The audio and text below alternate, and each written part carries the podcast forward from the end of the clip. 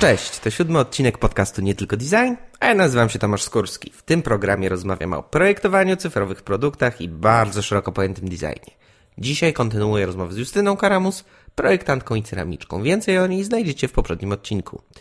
Dzisiaj porozmawiamy m.in. o japońskiej technice kintsugi, różnych sposobach wypalania naczyń w piecu, a także o numerach seryjnych na naczyniach.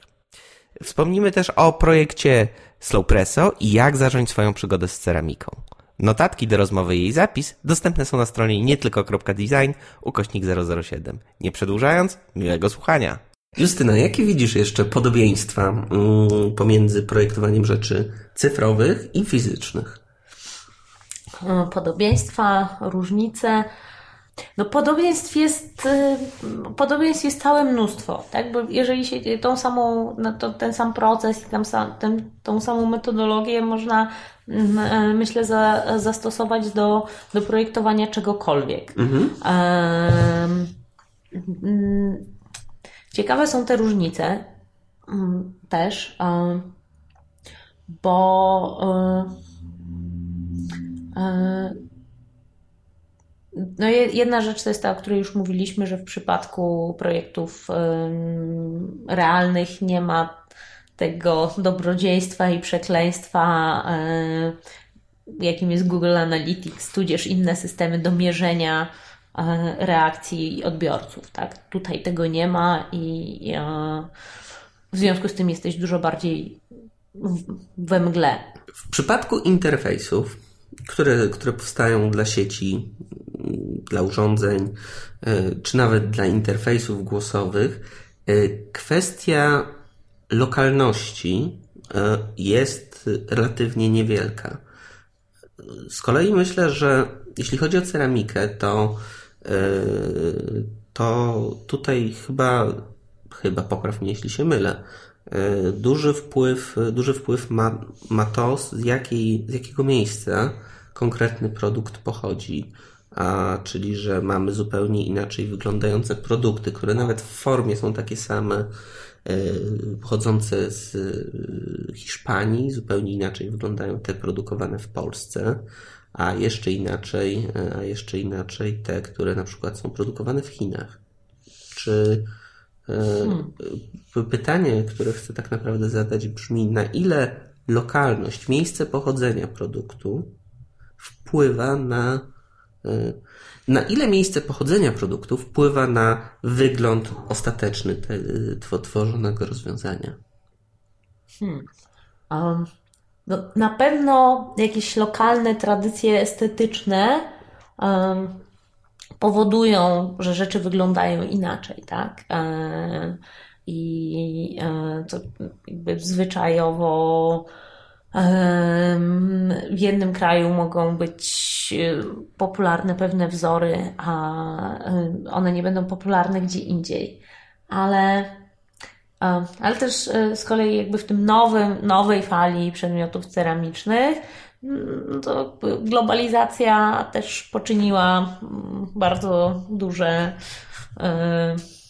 postępy. postępy i, e, I może się okazać, że, e, że wizualnie przedmioty twórcy z, ze Stanów Zjednoczonych będą bardzo podobne do prac kogoś z Japonii czy z Norwegii. Może się też tak zdarzyć. A więc to jakby albo u, u, u, był korzenienie w tych tradycjach kulturowych i estetyki e, lokalnej, albo jakby nowoczesna, globalna kultura i trendy, które są na całym świecie. Mm. Natomiast ciekawsze e, tutaj są te różnice, e, różnice związane z lokalizacją. No i znowu, znowu dla mnie ciekawsze są rzeczy związane z funkcją, dotyczące funkcji poszczególnych przedmiotów. To, że a, a a te różnice wynikają z tego, że mm, sposób używania danego przedmiotu będzie inny na jednym końcu świata i inny na drugim końcu świata. Czy mogłabyś podać na, jakiś przykład? Tak, na przykład w, przy, y, w przypadku mm, ceramiki stołowej, no tu jest ogromny temat zwyczajów kulinarnych.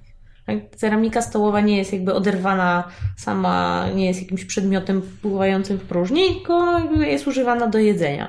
W konkretnym kontekście. W konkretnym kontekście, konkretnych potraw, e, konkretnymi sztućcami, przy e, konkretnym, nie wiem, tam zwyczajach związanych ze stołem, kolejno, kolejnością podawania potraw i sposobem ich serwowania. No i tutaj jakby ceramika cywilizacji zachodniej będzie inna niż ceramika w Azji, gdzie ta kultura kulinarna wygląda zupełnie inaczej. I zupełnie tak? inny sposób jest spożywania w ogóle mm, posiłków. Nie, nie jemy na płaskim talerzu, który stoi na stole, a my nie używamy do tego sztućców, tylko mamy miskę, którą trzymamy w ręku, jemy z niej pałeczkami. Tak? I to wpływa na, na cechy tych przedmiotów. Jakiś czas temu uświadomiłam sobie, e, dlaczego japońskie miski, e, uświadomiłam to sobie dosłownie boleśnie, dlaczego japońskie miski e, do jedzenia mają w dolnej części tak zwaną stopkę, czyli taki, taki wypustek, na którym się stawia to, e, to naczynie.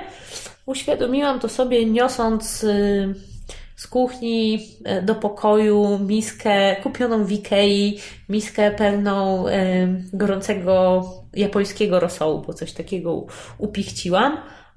I oczywiście bardzo się poparzyłam, dlatego że trzymałam za górny brzeg i za dół. Mhm. Na dole nie było stopki, czyli nie było tego elementu, który mm, stanowi dystans i powoduje, że, y, że możesz za to swobodnie złapać. No i takich rzeczy, takich rzeczy jest właśnie bardzo dużo, tak? Że gdzieś ta funkcja powoduje różnice. Na Twojej stronie y, mojaceramika.pl y, masz zdjęcia różnych swoich produktów.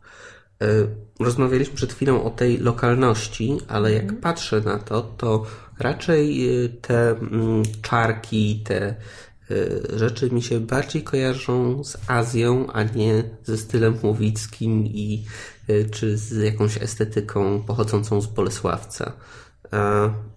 Czy ty czujesz, że bardziej te rzeczy, które produkujesz, są zglobalizowane? Czy jest w tobie jakaś e, fascynacja kulturą japońską, estetyką japońską, jakimś minimalizmem, czy być może tym, co powstawało w Chinach? No, pierwszym chyba powodem e, faktycznie tych moich, e, tego mojego inspirowania się ceramiką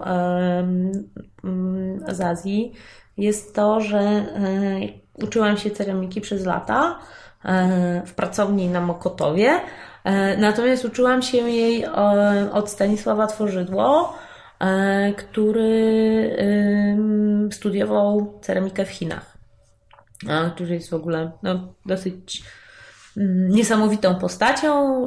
Człowiek, który w tej chwili ma ponad 80 lat i w latach 50. na Akademii Sztuk Pięknych w Pekinie uczył się ceramiki. No i stąd ta chińszczyzna jakaś w moich pracach.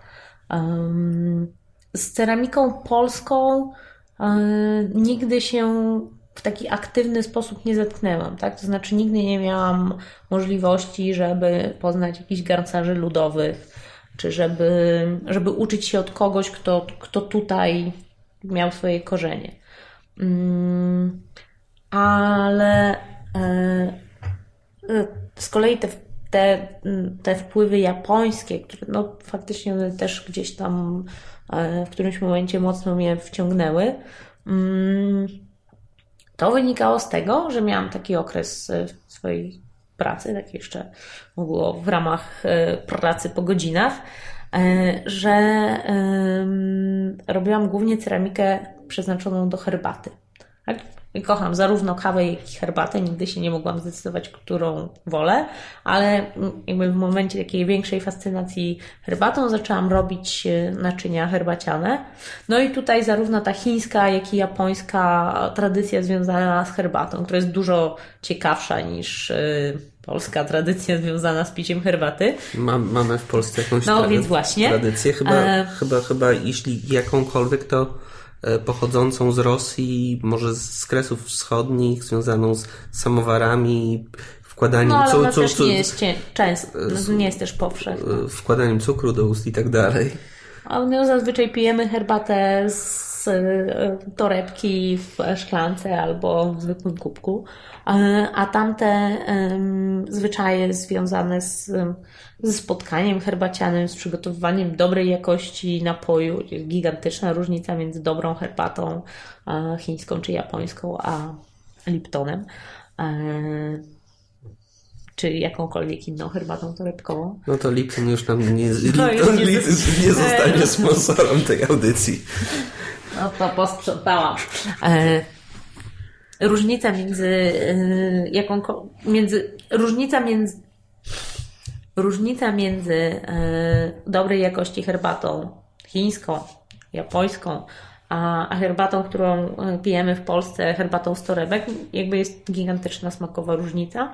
Tak samo jakby bogactwo tych zwyczajów i mm, mm, różnorodność naczyń ceramicznych była na tyle dla mnie ciekawa, że, że zaczęłam się tym zajmować. Mm, no i te wszystkie dziwnie brzmiące nazwy, które są na mojej stronie, typu Ciałan, Junomi, e, to, są, to, to akurat są dwie... Kitsungi, co to jest kitsungi? Kintsugi to za chwileczkę powiem, bo to akurat nie, nie jest związane z herbatą, e, ale ciałan i unomi to są japońskie nazwy czarek do picia różnych rodzajów herbaty. No to bene, wydaje mi się, że teraz mnie obrażasz, mówiąc, mówiąc mi pewnie to oznacza umieraj długo i w cierpieniu przez zadawanie głupich pytań. I niech twój kot zje twoje zwłoki. e, Kintsugi z kolei to jest e, japońska również japońska technika hmm, sklejania rozbitych skorup. Mhm. E, Japończycy e, doszli do wniosku, że to, że naczynie ceramiczne zostało stłuczone, to jeszcze nie jest koniec, bynajmniej. To jest dopiero nowy początek nowego, lepszego życia. Mhm. E, I robią coś absolutnie rewelacyjnego, czyli klejają te naczynia, które z jakiegoś powodu było w częściach. E, te sklejenia wypełniają, e, używają do tego materiału zwanego laką. Mhm. Może się gdzieś spotkałeś z tematem laka japońska. Tak, jak najbardziej. E, dam też linka do bardzo fajnego filmiku, filmu na YouTubie, gdzie youtuber, który się nazywa Nerdwriter, chyba Nerdwriter, opowiadał o Kintsugi. To sobie obejrzyjcie. Japończycy sklejają to, pokrywają laką, na koniec posypują złotym proszkiem, który mhm. może być z prawdziwego złota w wersji bardzo drogiej albo z brązu pozłotniczego lub jakiegoś innego tańszego metalu. No i ten przedmiot na końcu jest naprawdę niesamowity. Ma takie, tak, taką. Ten przedmiot na końcu jest piękny, e, mimo że wcześniej był rozbity. Czy y, te przedmioty często się tłucze i do, udoskonala poprzez ponowne ich złączenie? Czy jest jakaś sztuka, wiesz, tłuczenia i złączania? Czy zastanawiam się, na ile to jest. O ile dobrze to rozumiem, to czy jest to jednorazowy proces, czy jest to proces, który polega na ciągłym tłuczeniu i... jednego naczynia i ponownym go sklejaniu. No, e, e, z czymś takim nie miałam do czynienia. E, tak sobie myślę, że to wyjątkowo durne pytanie. A nie! Miałam. Tak pytałeś, czy Spytałeś, czy w przypadku kintsugi to raz się dokonuje stłuczenia mm. i, i, sklejenia, czy, czy robi się to kilka razy. E, więc zazwyczaj robi się to raz i później już ten przedmiot jest sklejony, już jest piękny, jest wspaniały i cudowny. I posypany e, złotem. I posypany złotem i już nie trzeba go e, nie trzeba go jeszcze raz e, sklejać. Kiedyś miałam taką sytuację, że mm, miałam przedmiot, reperowano kintsugi Kintsugi to jest bardzo pracochłonna e, i czasochłonna technika. Dlatego też w ten sposób e, traktuje się zazwyczaj tylko przedmioty ceramiczne o wysokiej wartości estetycznej. Tak? Bo reperowanie w ten sposób każdego kubka jest nieopłacalne. E, więc kiedyś miałam taką sytuację, że miałam Kiedyś miałam taką sytuację, że był, była moja praca ceramiczna, która e, już w trakcie wypału, tak, czyli w trakcie produkcji uległa pęknięciu. Potem została sklejona i zreperowana za pomocą kincugi e, i którą wystawiłam na sprzedaż. E, kupiła ją pewna osoba i przyszykowałam ją do wysłania. I w momencie, kiedy już byłam prawie gotowa, żeby tą rzecz zapakować zanieść na pocztę, zjawił się mój kot, który zrzucił ją ze stołu. I byłam zdruzgotana, e, bo no to tutaj tyle pracy i ktoś na to czeka i już e, chce to za chwilę zostać. A z drugiej strony no, było w tym coś e, przewrotnego, że ta rzecz stłuczona zostaje jeszcze raz stłuczona i de facto później powędrowała do swojego odbiorcy z jeszcze dodatkową patyną i, patyną, no, tak. patyną i doskonałością. Doskonale. Doskonałością. No tutaj jeśli chodzi o kinczugi, to jest też za tym bardzo taka filozoficzne podejście. No, nie będę teraz chodziła w temat, ale... ale przypuszczam, że z doskonaleniem się, z jakąś ciągłością. Bardziej z akceptowaniem pęknięć, tak? Czyli z akceptowaniem jakichś porażek, problemów, i tym, że e, tak im jesteśmy bardziej doświadczeni przez życie, tym jesteśmy wiem, ciekawsi, mądrzejsi. Zdarzały mi się takie sytuacje, że, że osoby, które chciały mieć coś związanego, coś e, zreperowanego za pomocą kincugi, miały za sobą jakieś trudne doświadczenia życiowe różnego rodzaju. Tak i dlatego to było ważne, żeby jakiś, jakiś wizualny taki symboliczny sposób tym, tym przedmiotem zobrazować swoją historię. Artystką nie jestem. Jesteś rzemieślniczką, tak wiem. No też nie wiem, czy jestem rzemieślniczką. No ale tak o sobie mówić. Też wiem, że według norm normy ISO, ISO coś, coś tam. ginących zawodów nie jesteś, ale... E... Nie, nie wiem, czy tego sobie mówię. Gdzie tego sobie mówiłam? Tak mam wrażenie, że tak czuję, że jesteś ceramiczką, bo jeśli nie jesteś rzemieślniczką, nie jesteś artystką, to kim jesteś? kim jesteś? A... Jesteś zwycięzcą, to co wiadomo. To zależy.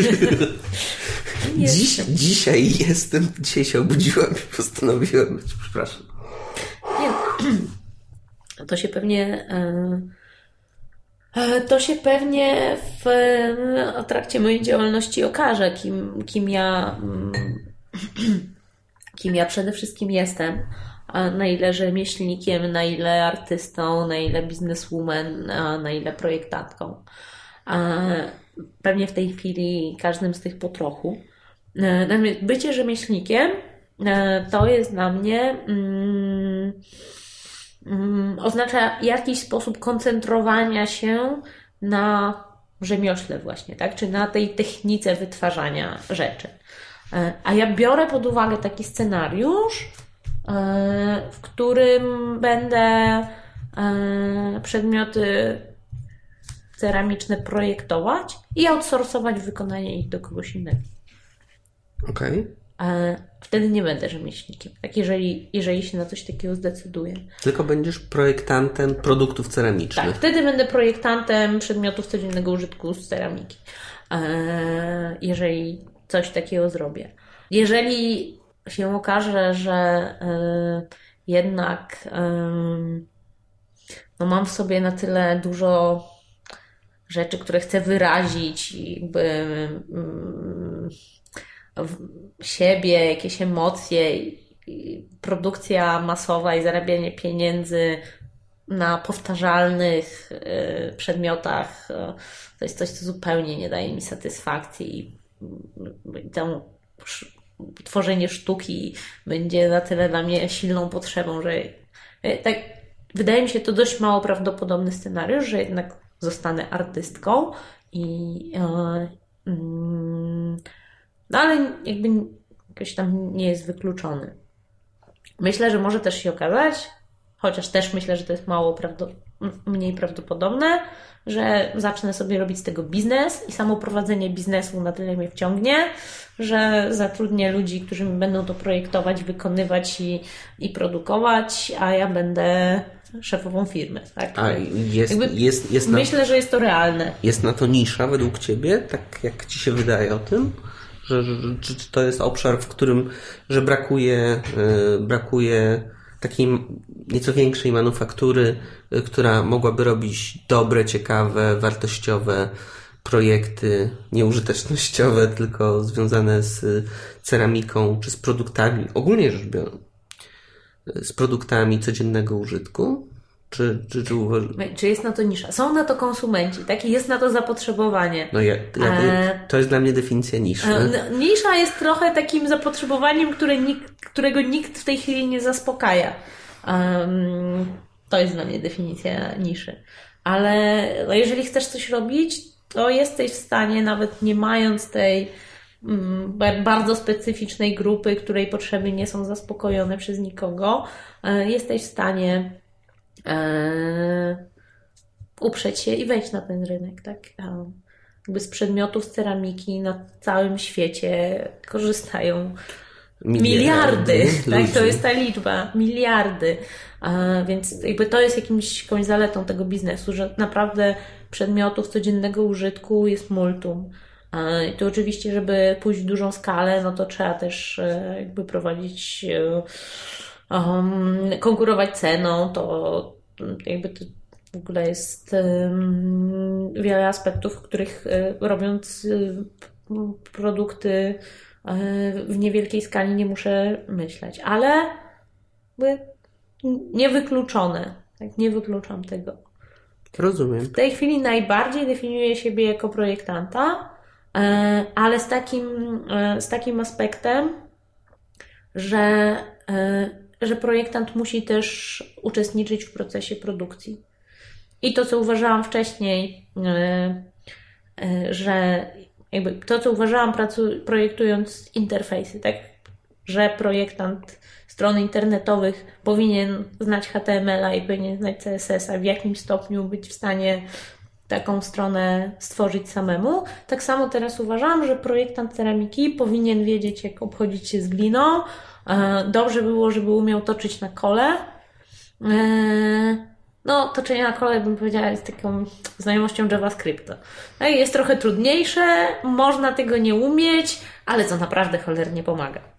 Mm, ale jak tak o tym mówisz, to ja sobie myślę o tym, że jak już znasz JavaScript, JavaScript to nie musisz być ani projektantem UX, ani, e, ani ceramiczką, ceramikiem, tylko możesz po prostu wyciągać naprawdę przyzwoite pieniądze. Jako frontendowiec. jako frontendowiec dobrze znający JavaScript.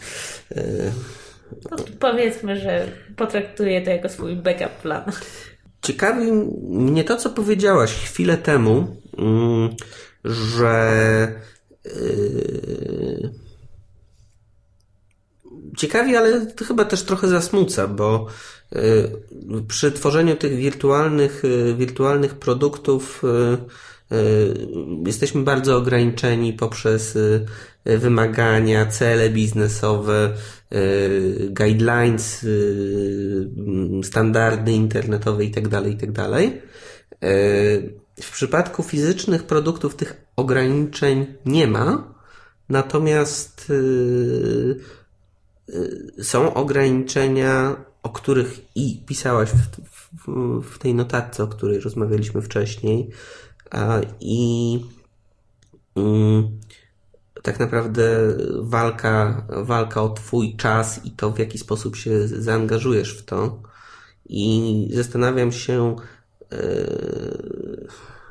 nie wiem, jak dobrze ująć to pytanie, ale e, ma, mam na myśli to, że e, mimo, że odzyskałaś sporą część wolności jako projektantka, jako twórca, mhm. natomiast mnóstwo z niej z tego co mówisz, prawdopodobnie utracisz przez to, że zajmiesz się prowadzeniem firmy albo e, tworzeniem, e, tworzeniem rzeczy, które zaspokają, zaspokoją gusta klientów, a niekoniecznie będą wyrażeniem tego twojego, e, tej twojej pasji i tej, e, i tej miłości do, do, do tworzenia. I, I zastanawiam się po prostu na ile, e, na ile tutaj występuje ryzyko, że od, od zarządzania zespołem, od realizacji projektów w tym świecie cyfrowym, skończysz na realizacji projektów w świecie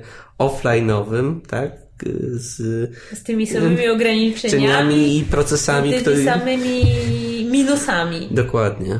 E... Być może to jest część w ogóle, którą powinniśmy wyciąć, bo strasznie długo tutaj zadaję pytanie, jak zwykle, ale e, chyba. chyba... No, to jest ciekawy też temat. Ja w ogóle nie uważam, że to jest y, smutne, czy że. Znaczy, nigdy nie myślałam o tym że w ten sposób, że rzucam pracę w korpo, rzucam yy, niedobrą yy, yy, branżę nowej technologii, gdzie są jakieś wymagania, ograniczenia i oczekiwania klientów i teraz będę sobie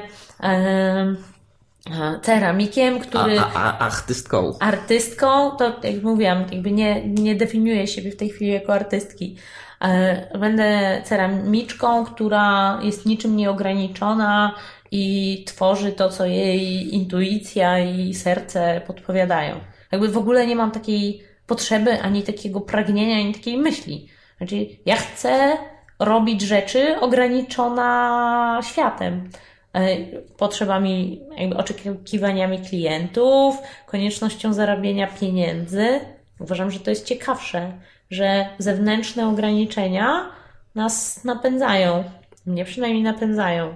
A to są jakieś problemy, które trzeba rozwiązywać. A, A czy... Znaczy myślę, że to w ogóle jest niemożliwe dla dowolnego projektanta e, projektować coś i nie mieć żadnych ograniczeń. Chyba, chyba, chyba, no. chyba właśnie tak jest lepiej. Wtedy to, to się nazywa sztuką. A... Wtedy to się nazywa sztuką, ale. Ale albo... czemu sobie zakładać automatycznie yy, pewne ograniczenia, pewne lim, limitacje, pewne... Limitacje. Nie wiem, czy istnieje takie słowo. Granice. Granice, a dziękuję. E, to z łaciny chyba.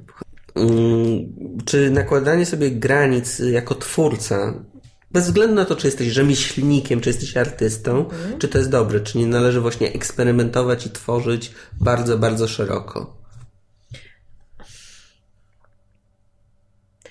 Należy eksperymentować i tworzyć bardzo, bardzo szeroko. Bo to, że jakby to, że są ograniczenia, to nie, nie oznacza automatycznie, że ty się im tylko i wyłącznie poddajesz i nie próbujesz ich przekraczać.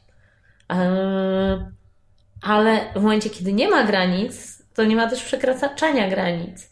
Tak? Nie ma tego, tej dynamiki związanej z um, próbą przejścia nad jakimiś problemami, gdzie bardzo często tworzą się właśnie najciekawsze, najbardziej prawdziwie innowacyjne koncepty.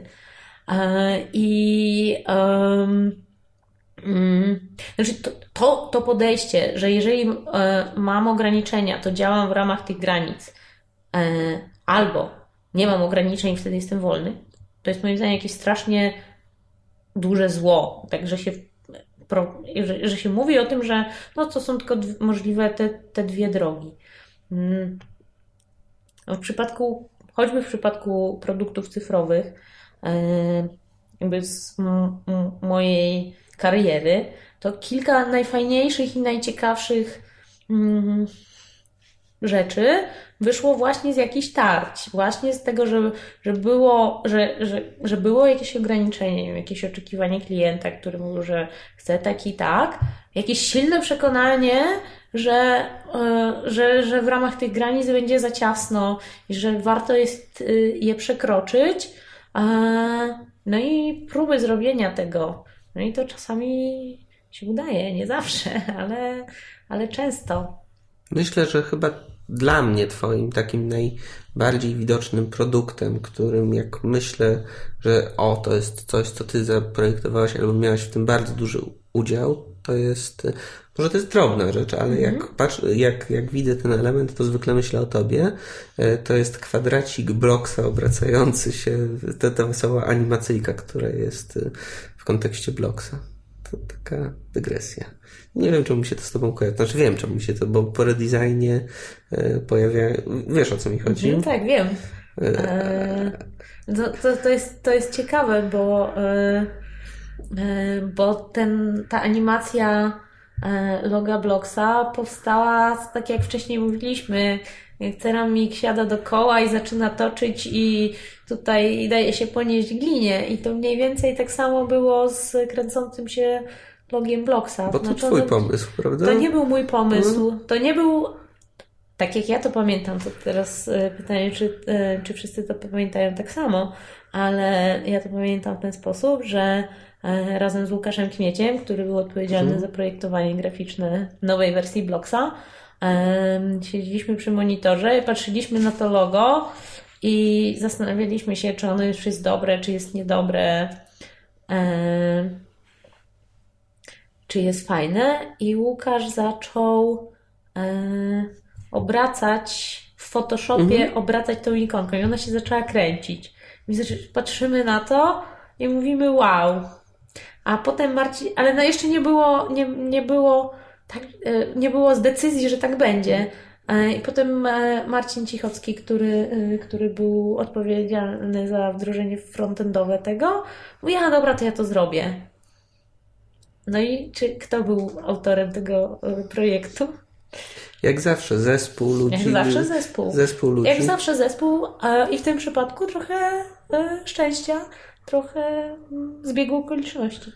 Często jest, y, często rola zespołu jest bardzo istotna w tworzeniu cyfrowych produktów. Czy tutaj, kiedy sama jesteś sobie sterem, żeglarzem, kołem i okrętem, kołem tym do wypalania, tak? Y, Ko kołem do, przepraszam, do wy...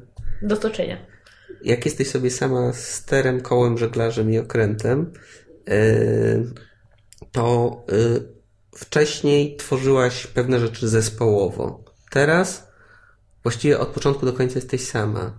Czy tworzenie w takich warunkach i w zasadzie zajmowanie się całym cyklem procesowym od, od, od koncepcji do e, kreacji, wytwórstwa, a potem nawet sprzedaży, dystrybucji, e, na ile Twoje doświadczenia pokazują, że to był dobry wybór, a na ile na przykład część rzeczy wolałabyś robić w zespole z kimś. Chociaż nie wiem, jak, na czym miałaby polegać w przypadku ceramiki praca bardziej zespołowa. No, w przypadku ceramiki praca zespołowa jest jak najbardziej możliwa. Że są pracownie czy małe manufaktury, mm, które się składają z zespołów, tak? gdzie gdzie różne osoby są odpowiedzialne za różne etapy tego procesu. Tak? Ktoś projektuje, ktoś inny tworzy formy, ktoś inny zajmuje się odlewaniem, szkliwieniem, a ktoś inny jest odpowiedzialny za, za sprzedaż i marketing. Więc niewykluczone, że kiedyś moja działalność też będzie, też będzie tak wyglądała. Mm, to, że w tej chwili jestem sama, no to jest bardziej konsekwencja mojego wyboru tego, że nie wiem, nie zaczynam tej działalności od e, rundki po inwestorach, e, których przekonam do tego, że to jest innowacyjne podejście do ceramiki i, e, i ludzie będą to kupowali jak świeże bułeczki. Tak, e, jestem sama, bo e, no bo muszę, bo nie mam w tej chwili e, kasy na inwestycje w zespół. To ma swoje minusy, ale ma też plusy, tak? Robienie, e, robienie wielu rzeczy w jedną osobę mm, no, daje tą oszczędność czasu, który normalnie tracimy na komunikację i dogadywanie się, jak to w końcu ma być. Tak? Tutaj robię to sama, więc, e, więc Ko- z tego powodu jest. Komunikacja jest znakomita. Komunikacja jest najlepszym elementem mojej działalności. Ja też się, e, też dzięki temu, że teraz na tym etapie jestem sama, to też widzę, że uczę się tych poszczególnych rzeczy. Tak? E, a jakby w temacie i wiem, że jakby w temacie ceramiki będę wiedziała, jak, jak projektować, jak produkować, będę miała podstawową wiedzę na, e, na wszystkich, we wszystkich tych dziedzinach, więc nawet jeżeli będę chciała jakby pójść w większą skalę działalności, to zarządzając zespołem technologów ceramicznych, będę potrafiła z nimi rozmawiać o ich pracy. I to jest też dla mnie bardzo ważne. W ogóle uważam, że każdy, to jest dobre, jeżeli menadżer, jestem zwolennikiem tego podejścia, że jest dobre, jeżeli menadżer wie coś o tym, co robią jego ludzie. Trochę wcześniej rozmawialiśmy o tym, e, jakie kolejne kroki e, są wykonywane podczas projektowania e, podczas projektowania mm, naczyń i rzeczy z ceramiki. Co się dzieje po tym, kiedy już, kiedy już, wrzuć, kiedy już masz od, odlaną formę, bądź kiedy masz już produkt, który z koła zdejmujesz? Co się dzieje w kolejnym kroku? Okay, to następnym krokiem e, następnym krokiem jest wypalenie tej rzeczy w mhm. specjalnym piecu do ceramiki. E, i e, większość przedmiotów zrobionych z ceramiki e, przechodzi e, aż w procesie wypalana, wypalania e, ląduje w piecu aż dwa razy. Za pierwszym razem e, surowa glina jest wypalana do temperatury około 900 stopni Celsjusza. To jest tak zwana niska temperatura mhm. E, w ceramice. E, I e, no i wtedy w trakcie tego wypału glina zmienia się w ceramikę. Tak? Mhm. Wcześniej mieliśmy glinę, 900 stopni, mamy ceramikę. Cudowna przemiana. Cudowna przemiana. Ta przemiana chemicznie ona występuje w okolicach 600 stopni, natomiast 900 stopni jest po to, żeby przedmiot był w miarę trwały i e, e, wyjmujemy z pieca takie rzeczy, które są e, w ceramicznym slangu nazywane są biskwitami, mhm. tak? a ten wypał jest pierwszy, jest zwany wypałem na biskwit, biskwity ciasteczka. I one dopiero po tym pierwszym wypale są malowane, kolorowane, szkliwione, tak? pokrywane mm, czymś, co daje im fakturę, kolor, wygląd, ostateczną wartość artystyczną. E, I potem następuje kolejny wypał, e, który już jest w wyższych temperaturach i tu zależy od technologii i rodzaju e, ceramiki, z którą mamy do czynienia. To może być 1000 stopni, 1200 stopni, a w przypadku porcelany nawet 1300 i więcej. Mhm. No nie będę się już zagłębiać w takie szczegóły, że jak zrobić, że zanim ją wstawisz do pieca, to musisz ją bardzo dobrze wysuszyć. Aha, w sensie... W sensie a, a, no dobrze, dobrze. To mogę o tym krótko powiedzieć. Ponieważ mm, suszenie mm, przedmiotów z ceramiki, ale też czas trwania wypału ma znaczenie. Nie może być zbyt szybki ze względu na jedną rzecz. E, glina zarówno w czasie schnięcia, jak i później wypalania zmniejsza swoją objętość. Mhm. Jeżeli to zmniejszanie objętości nastąpi zbyt szybko, e, to przedmiot może popękać. Mhm. Dlatego, że tutaj tak jakaś część już się zmniejszyła, brzuszek się zmniejszył, a tam szyjka wazonika jeszcze nie, chociaż odwrotnie najczęściej, bo małe rzeczy, górna część najczęściej szybciej osiąga e, te temperatury i wtedy następuje krach. E, albo pęknięcie, albo nawet rzecz może wybuchnąć. Ja miałam przynajmniej jedną taką sytuację w tym roku, kiedy stawiłam do pieca lampę, która nie była dobrze dosuszona. No i niestety nie przeżyła tego wypału, bo się spieszyła.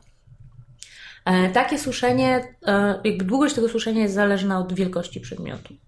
Małe mm, przedmioty codziennego użytku o cienkich ściankach, dwa dni i ja już spokojnie je wstawiam do pieca. Tak wielka rzeźba porcelanowa może powinna schnąć nawet nie, kilka miesięcy. miesięcy. E, a jeśli chodzi jeszcze o te piece, to czy e, to jest rodzaj takiego piekarnika pod względem kształtu, formy, gdzie wszystko równomiernie jest bardzo opiekane. Mhm. Czy jest to, nie wiem, coś, co bardziej od dołu i jest bardziej konkretnie wypalane, czy w sensie w jaki sposób to źródło ciepła tam występuje? Piece ceramiczne różnią się między sobą przede wszystkim źródłem ciepła. I piece ceramiczne elektryczne będą miały zupełnie inną konstrukcję i zupełnie inny model rozchodzenia się ciepła niż na przykład gazowe piece elektryczne. Kiedyś przez wieki podstawowym e, źródłem zasilenia pieca ceramicznego było drewno, mhm. tak? więc był płomień, płomień pochodzący z palącego się drzewa. Więc one też miały jeszcze zupełnie inaczej e, to się odbywało.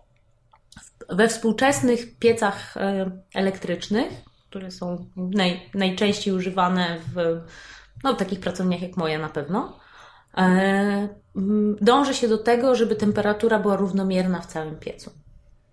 I okay. to się, to się, to jakby to jest realne. E, a w Ponurzycy, tak, o której mm -hmm. też rozmawialiśmy Poza, nie, nie wiem, czy rozmawiali. A, po, po, poza, poza anteną, anteną, rozmawialiśmy. Poza anteną. O, Ponurzycy. A Ponurzycy, mhm. tam, tam rozumiem, macie jakieś wypały bardziej na świeżym powietrzu? Mhm. Tak. E, w tym miejscu, gdzie jeździmy co roku latem na, na warsztaty ceramiczne, e, mamy aż trzy różne piece plenerowe, e, z których dwa są to piece na drewno, jeden taki bardzo prosty, bardzo archaiczny piec e, wykopany w ziemi, w którym można taką mhm. bardzo prostą e, ceramikę zrobić. Bardziej zaawansowany piec drewniany oraz piec gazowy. I najczęściej używamy tego pieca na gaz, bo on jest najwygodniejszy, najszybszy w obsłudze, najwygodniejszy w użyciu. No i tak, i w piecu, w piecu gazowym, gdzie jest jakby do, do środka pieca wchodzi płomień a, i później wychodzi przez komin gorące powietrze, no tam uzyskanie równomiernej temperatury jest niemożliwe. To są mm, pomiędzy, jeżeli w piecu jest kilka półek, to pomiędzy dwoma półkami może być różnica nawet 100 stopni. Czyli to dla ceramicy jest gigantyczna różnica. E, jeśli chodzi o efekty i, e, i, jakby ostateczny wygląd tego przedmiotu. Mhm. E, ale w takich sytuacjach to ceramik dostosowuje się do pieca, który posiada, jakby robi takie rzeczy, żeby to, że ta róż, różnorodność temperatur e, w piecu występuje, nie było to wadą, ale zaletą. Czyli po prostu dostosowuje też swoje umiejętności do narzędzi, z których musi e, w konkretnym momencie skorzystać. Dokładnie. Super. Po wyjęciu z pieca rzecz jest gotowa do ometkowania i do sprzedaży po wyjęciu z drugiego, z drugiego, drugiego wypału. wypału, tak, te rzeczy są już gotowe.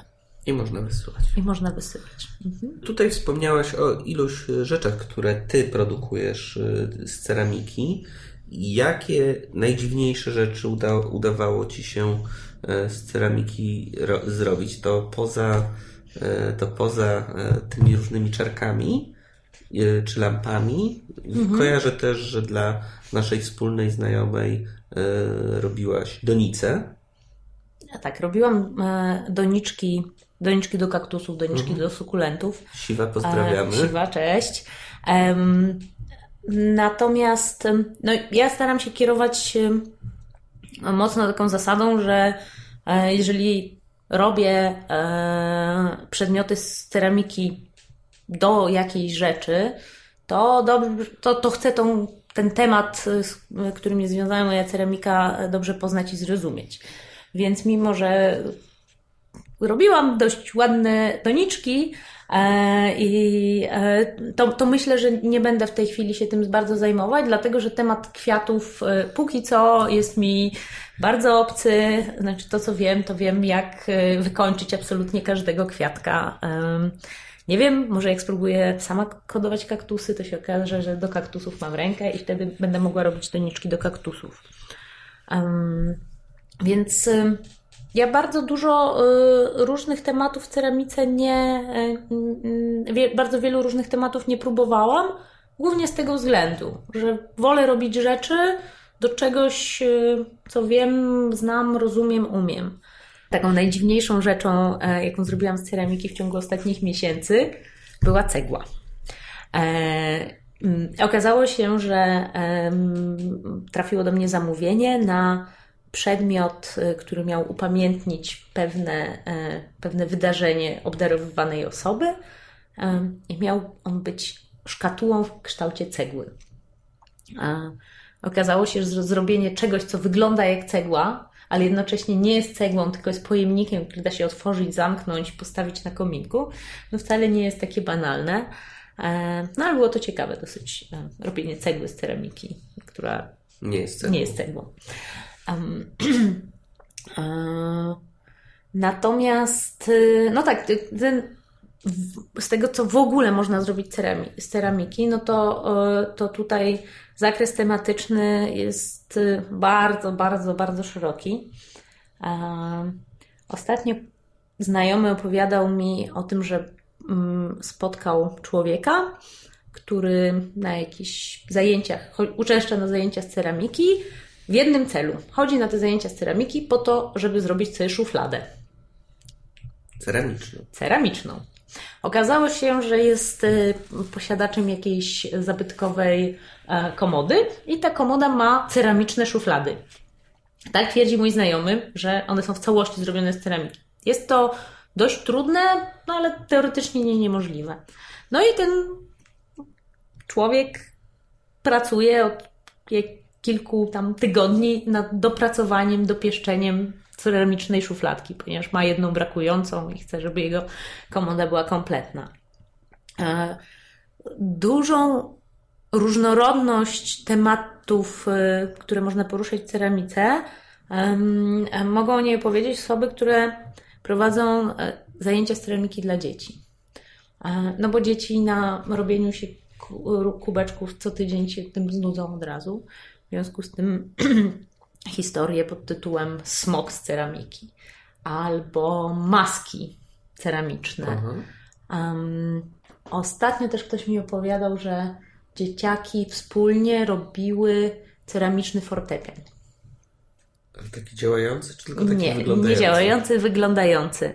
Eee, no to są, to jakby ta, ta, ta, ta szerokość tematyczna jest w większości związana z de facto rzeźbą ceramiczną, tak? Bo zarówno ten smok, w jakimś sensie maska, jak i ten fortepian to będą tak naprawdę rzeźby z ceramiki.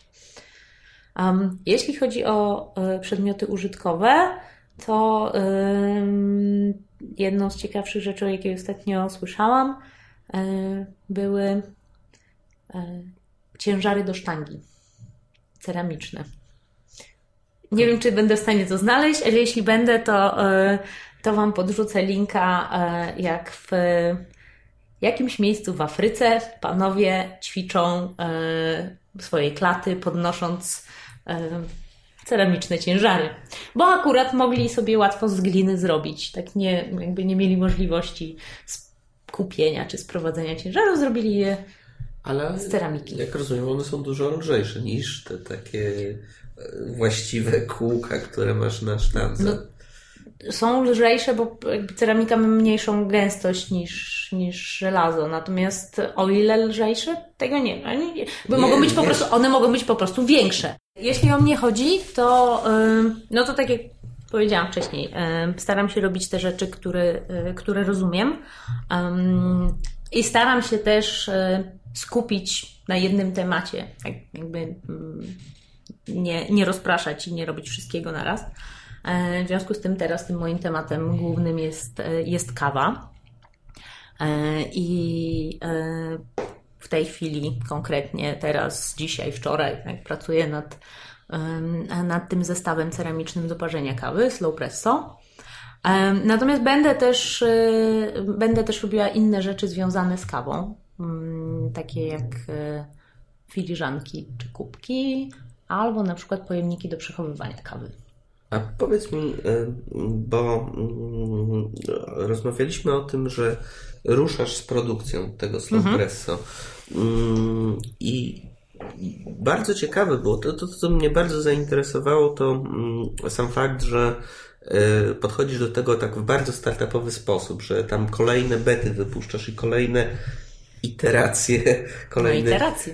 kolejnych, kolejnych produktów, z których każdy model jest coraz, co, coraz, coraz skup się Tomek, e, z których każdy model jest e, coraz bardziej doskonały i coraz bardziej odpowiadający e, Tobie. Ile zwykle masz w, tak w serii takich, takich produktów?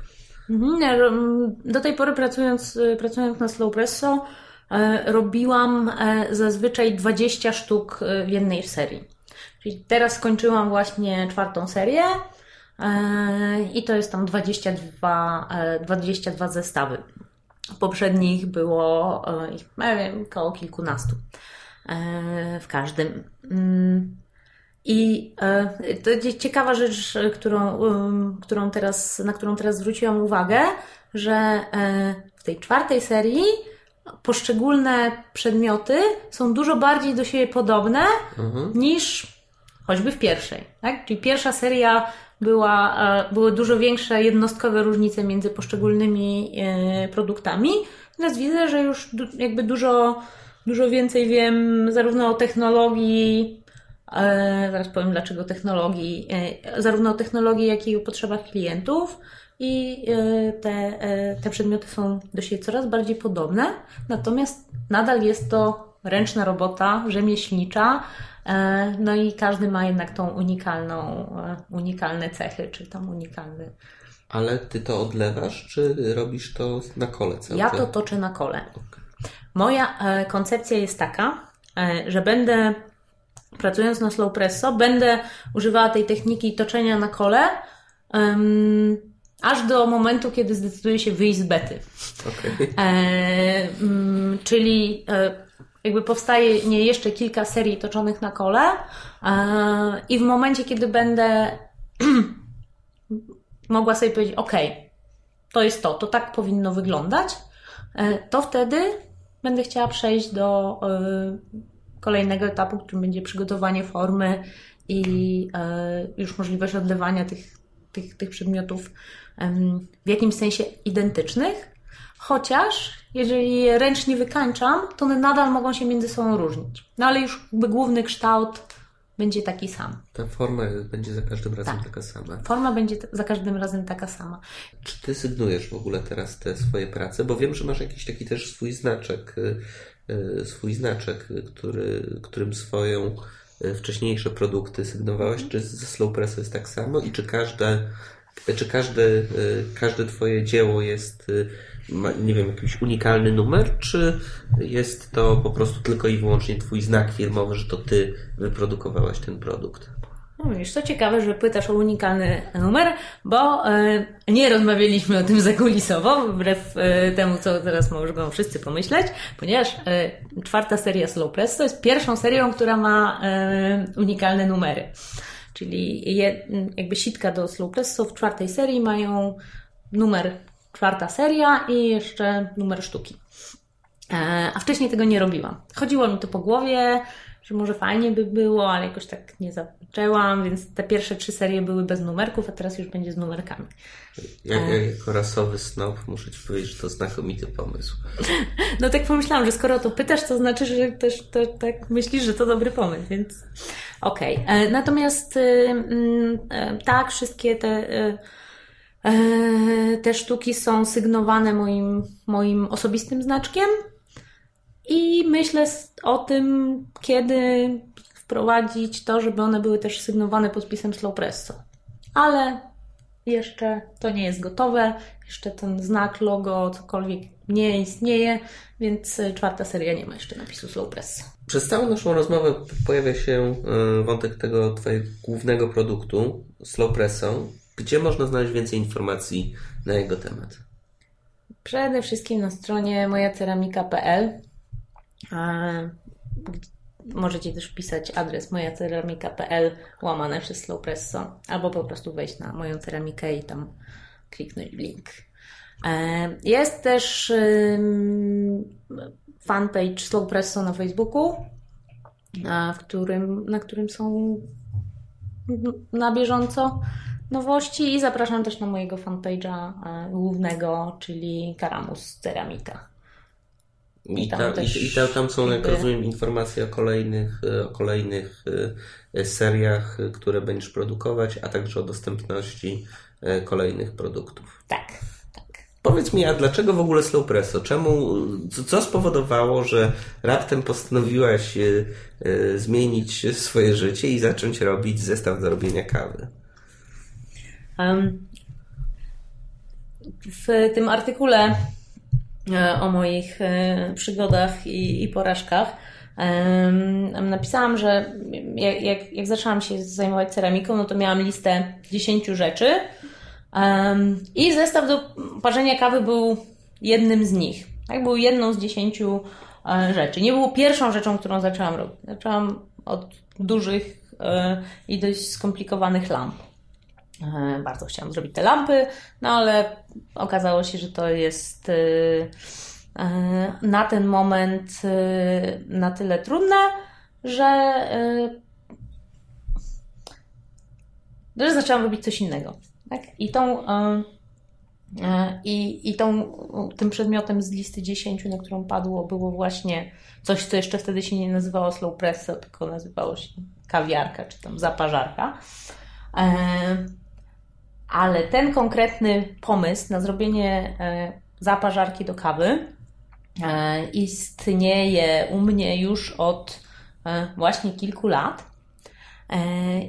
A wziął się stąd, E, że e, osobą, która wymyśliła kształt i wymyśliła kształt jakby urządzenia i wymyśliła, można powiedzieć, metodę parzenia kawy, jest mój osobisty tata, e, który zamówił taki, takie urządzenie dla samego siebie, tak? bo chciał w taki sposób przygotowywać kawę. Na czym polega magia tego całego? No i na czym polega magia um, um, slow presso? Magia slow presso polega na tym, e, że e, parzysz kawę przelewowo, czyli to jest ta sama metoda, co wszystkie dripy, chemeksy e, i te najpopularniejsze w tej chwili metody parzenia kawy. Parzysz ją przelewowo, nie używasz do tego bardzo skomplikowanego ekspresu urządzenia, nie wiem, prądu możesz nie użyć, tylko zagotować wody w kociołku na ognisku, czyli jest to dość eko i, e, i naturalne. A moc tej kawy i wyrazistość smaku może być nawet y, większa niż w kawie z ekspresu. Stąd jest to presso w nazwie, tak? Czyli Espresso to nie jest od ekspresu, tylko jest od włoskiego espressivo, czyli wyrazisty. E, no, jakby są osoby, które mówią, a to jest takie espresso, tylko przelewowe. No, trochę tak jest. I, e, no i to jest, to jest właśnie ta magia. Czyli to jest e, bardzo dobra kawa dla osób, które lubią ją mocno, a z drugiej strony lubią nowe trendy, nie chcą mieć wielkiego, zajmującego pół kuchni ekspresu, chcą być bardziej eko. Nie chcą wydawać nie chcą na kapsułki. Wydawać, tak, nie chcą mieć kapsułek, nie chcą mieć czegoś, co, nad czym de facto nie mają kontroli. Yy, no, abstrahując od tego, że moim zdaniem kawa z slow presso jest smaczniejsza niż yy, na pewno niż prawie każde espresso, które można dostać w Polsce. Tak, co do włoskiego, to można byłoby się spierać, ale yy, polska kawa, yy, w polskich kawiarniach kawa z ekspresu, no niestety no nie. Nie. nie. nie. Um, oczywiście um, tutaj jest też um, szeroki, e, szerokie spektrum tego, co, co z tego zestawiku e, naszego można wycisnąć. Więc ja mm, jakby jestem w tej chwili na etapie E, kontaktowania się z baristami różnymi, bo myślę, że naprawdę dobry barista z czymś takim jak slow presso w ręku jest w stanie dokonać cudów. Że może być naprawdę bardzo ciekawe i bardzo, bardzo dobre. Co byś doradzała osobie, która chce się zacząć zajmować ceramiką? Czy raczej powinna pójść na wspomniany przez Ciebie kurs ceramika w dwa dni, tak żeby zyskać jakieś odrobinę obycia i zrozumienia, jeśli chodzi o nazewnictwo, stos- możliwe dostosowanie technologii i takie absolutne podstawy?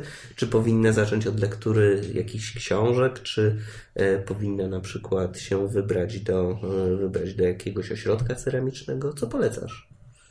Hmm. No, ja jako osoba mm, ucząca się e, ceramiki, że tak powiem, w chińskich klimatach, to mam mocno zaszyte w sobie to przekonanie, e, jakże chińskie e, i konfucjańskie, że gadać to można, e, jak już się coś zrobi. I zaczynanie od książek, takiego tematu, który jest bardzo praktyczny i bardzo ważne jest w nim doświadczenie, wydaje mi się no nie, nie, nietrafione. Um, nauka samemu zawsze jest, y, jak zazwyczaj jest jedną z opcji, ale w ceramice jest to o tyle trudne, że y, nie, nie można przejść całego procesu nie mając y, pieca, w którym się to wypali. Więc jeżeli ktoś może sobie w ogródku pod na domem, działce. na działce, zrobić piec na drewno albo piec gazowy, no to może próbować bycia samoukiem. Jeżeli ktoś mieszka e, w bloku w dużym mieście e, i nie ma e, miejsca ani nie chce wydawać 10 tysięcy na piec elektryczny, no to raczej ta opcja samodzielną nauką odpada. Ja nie wiem dużo o ośrodkach uczących ceramiki po, poza Warszawą. Tak poza tym, że jest e, Wydział Szkła i Ceramiki we Wrocławiu, no ale to jest, o którym, o którym mówiliśmy. Tak, to jest dla kogoś, kto już chce się związać z tym kierunkiem poważnie, tak? I studia, e, studia z ceramiki to zdecydowanie Wrocław. Natomiast tutaj w Warszawie, e, jeżeli chcecie się uczyć chociaż trochę nauczyć ceramiki, to tak, to na pewno polecam e, to miejsce, w którym ja się uczyłam, czyli Ośrodek Sztuki Dekoracyjnej Użytkowej e, Stanisława Tworzydło. E, no przede wszystkim dlatego, że to jest miejsce, w którym można się, można zdobyć zarówno wiedzę, jak i doświadczenie nie tylko z jednego materiału, czyli ceramiki, ale z bardzo szerokiego spektrum technik, od mozaiki, malarstwa na papierze, na porcelanie, e, różnych technik graficznych, e, po no też takie praktyczno-filozoficzne podejście do, do wzornictwa, podejście do, do sztuki użytkowej, którego Stanisław Tworzydło, który prowadzi tą pracownię od, od lat 60., uczy naprawdę bardzo bardzo do, ciekawie i bardzo inspirująco. E, także jeżeli ktoś e, chce spróbować, to, e, to polecam stronę tworzydłoart.pl. Drugim miejscem, na które mm, myślę, że warto zwrócić uwagę, jest szkoła ceramiki Ceramik. Ceramik przez Q na końcu. PL. I mm, tylko to jest, to jest miejsce, którego ja nie znam. Tak? Mm, ani, ani ja się tam nie uczyłam, e, ani de facto nie rozmawiałam z nikim, kto, e, kto przeszedł mm, u nich szkolenie. Natomiast to, co, co zdecydowanie zwraca moją uwagę, to taki bardzo e, to duży rozmach i bardzo poważne podejście do tematu. Tak? Czyli to jest um, tak naprawdę pierwsze w Warszawie miejsce, które e, mówi o sobie, tak jesteśmy szkołą ceramiki. Tak? Jakby dwuletnia, niepubliczna nauka, która nie nosi nazwy kursu czy warsztatów, tylko tak, przyjdź do nas i po dwóch latach e, możesz e, nauczyć się, dwa lata możesz nauczyć się zawodu ceramika. Ale jest to, tak, jest to nauka rzemiosła.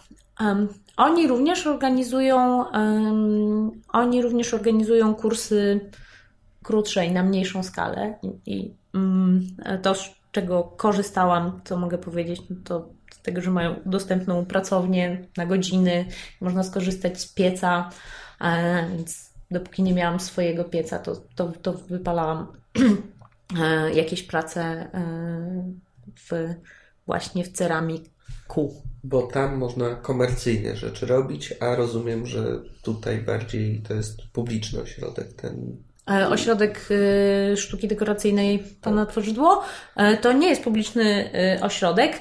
Też można w nim robić komercyjne rzeczy. Natomiast tego, czego tutaj w tym że ośrodku nie ma, to nie ma pieca elektrycznego, który umożliwia wypał na bardzo wysokie temperatury, czyli porcelana i wysoka, wysoko wypalana kamionka, czyli to 1200 stopni. Tutaj jest maksymalnie 1050, a do zrobienia slow presso było mi potrzebne 1200 i stąd właśnie potrzeba kogoś, kto ma inny piec. Mówimy o, używając słowa tutaj, ponieważ ten ośrodek znajduje się jakieś 50-100 metrów od nas. W związku z tym siłą rzeczy umiejscowiamy go tak, tak, w, w tutejszej okolicy. I pokazuję ręką i wierzę w to, że słuchacze na pewno to widzą. E, no, Tomek zrozumiał, ale e, tak, e, czyli e, Stanisław Tworzydło, Mokotów, ulica Kazimierzowska, ośrodek Ceramik, ulica Chełmska, Dolny Mokotów. Sielce. Świetnie. Justyna, to była fantastyczna rozmowa. Bardzo, bardzo dziękuję. Też Ci bardzo dziękuję. Bardzo się dobrze bawiłam e, i pozdrawiam wszystkich. Tyle w dzisiejszym odcinku. Jestem bardzo wdzięczny Justynie za cierpliwość przy nagrywaniu tego odcinka. Notatki, odnośniki i zapis rozmowy znajdują się na stronie nietylko.design ukośnik 007. Zachęcam też do zostawienia swojej opinii na stronie podcastu lub w iTunes. Do usłyszenia!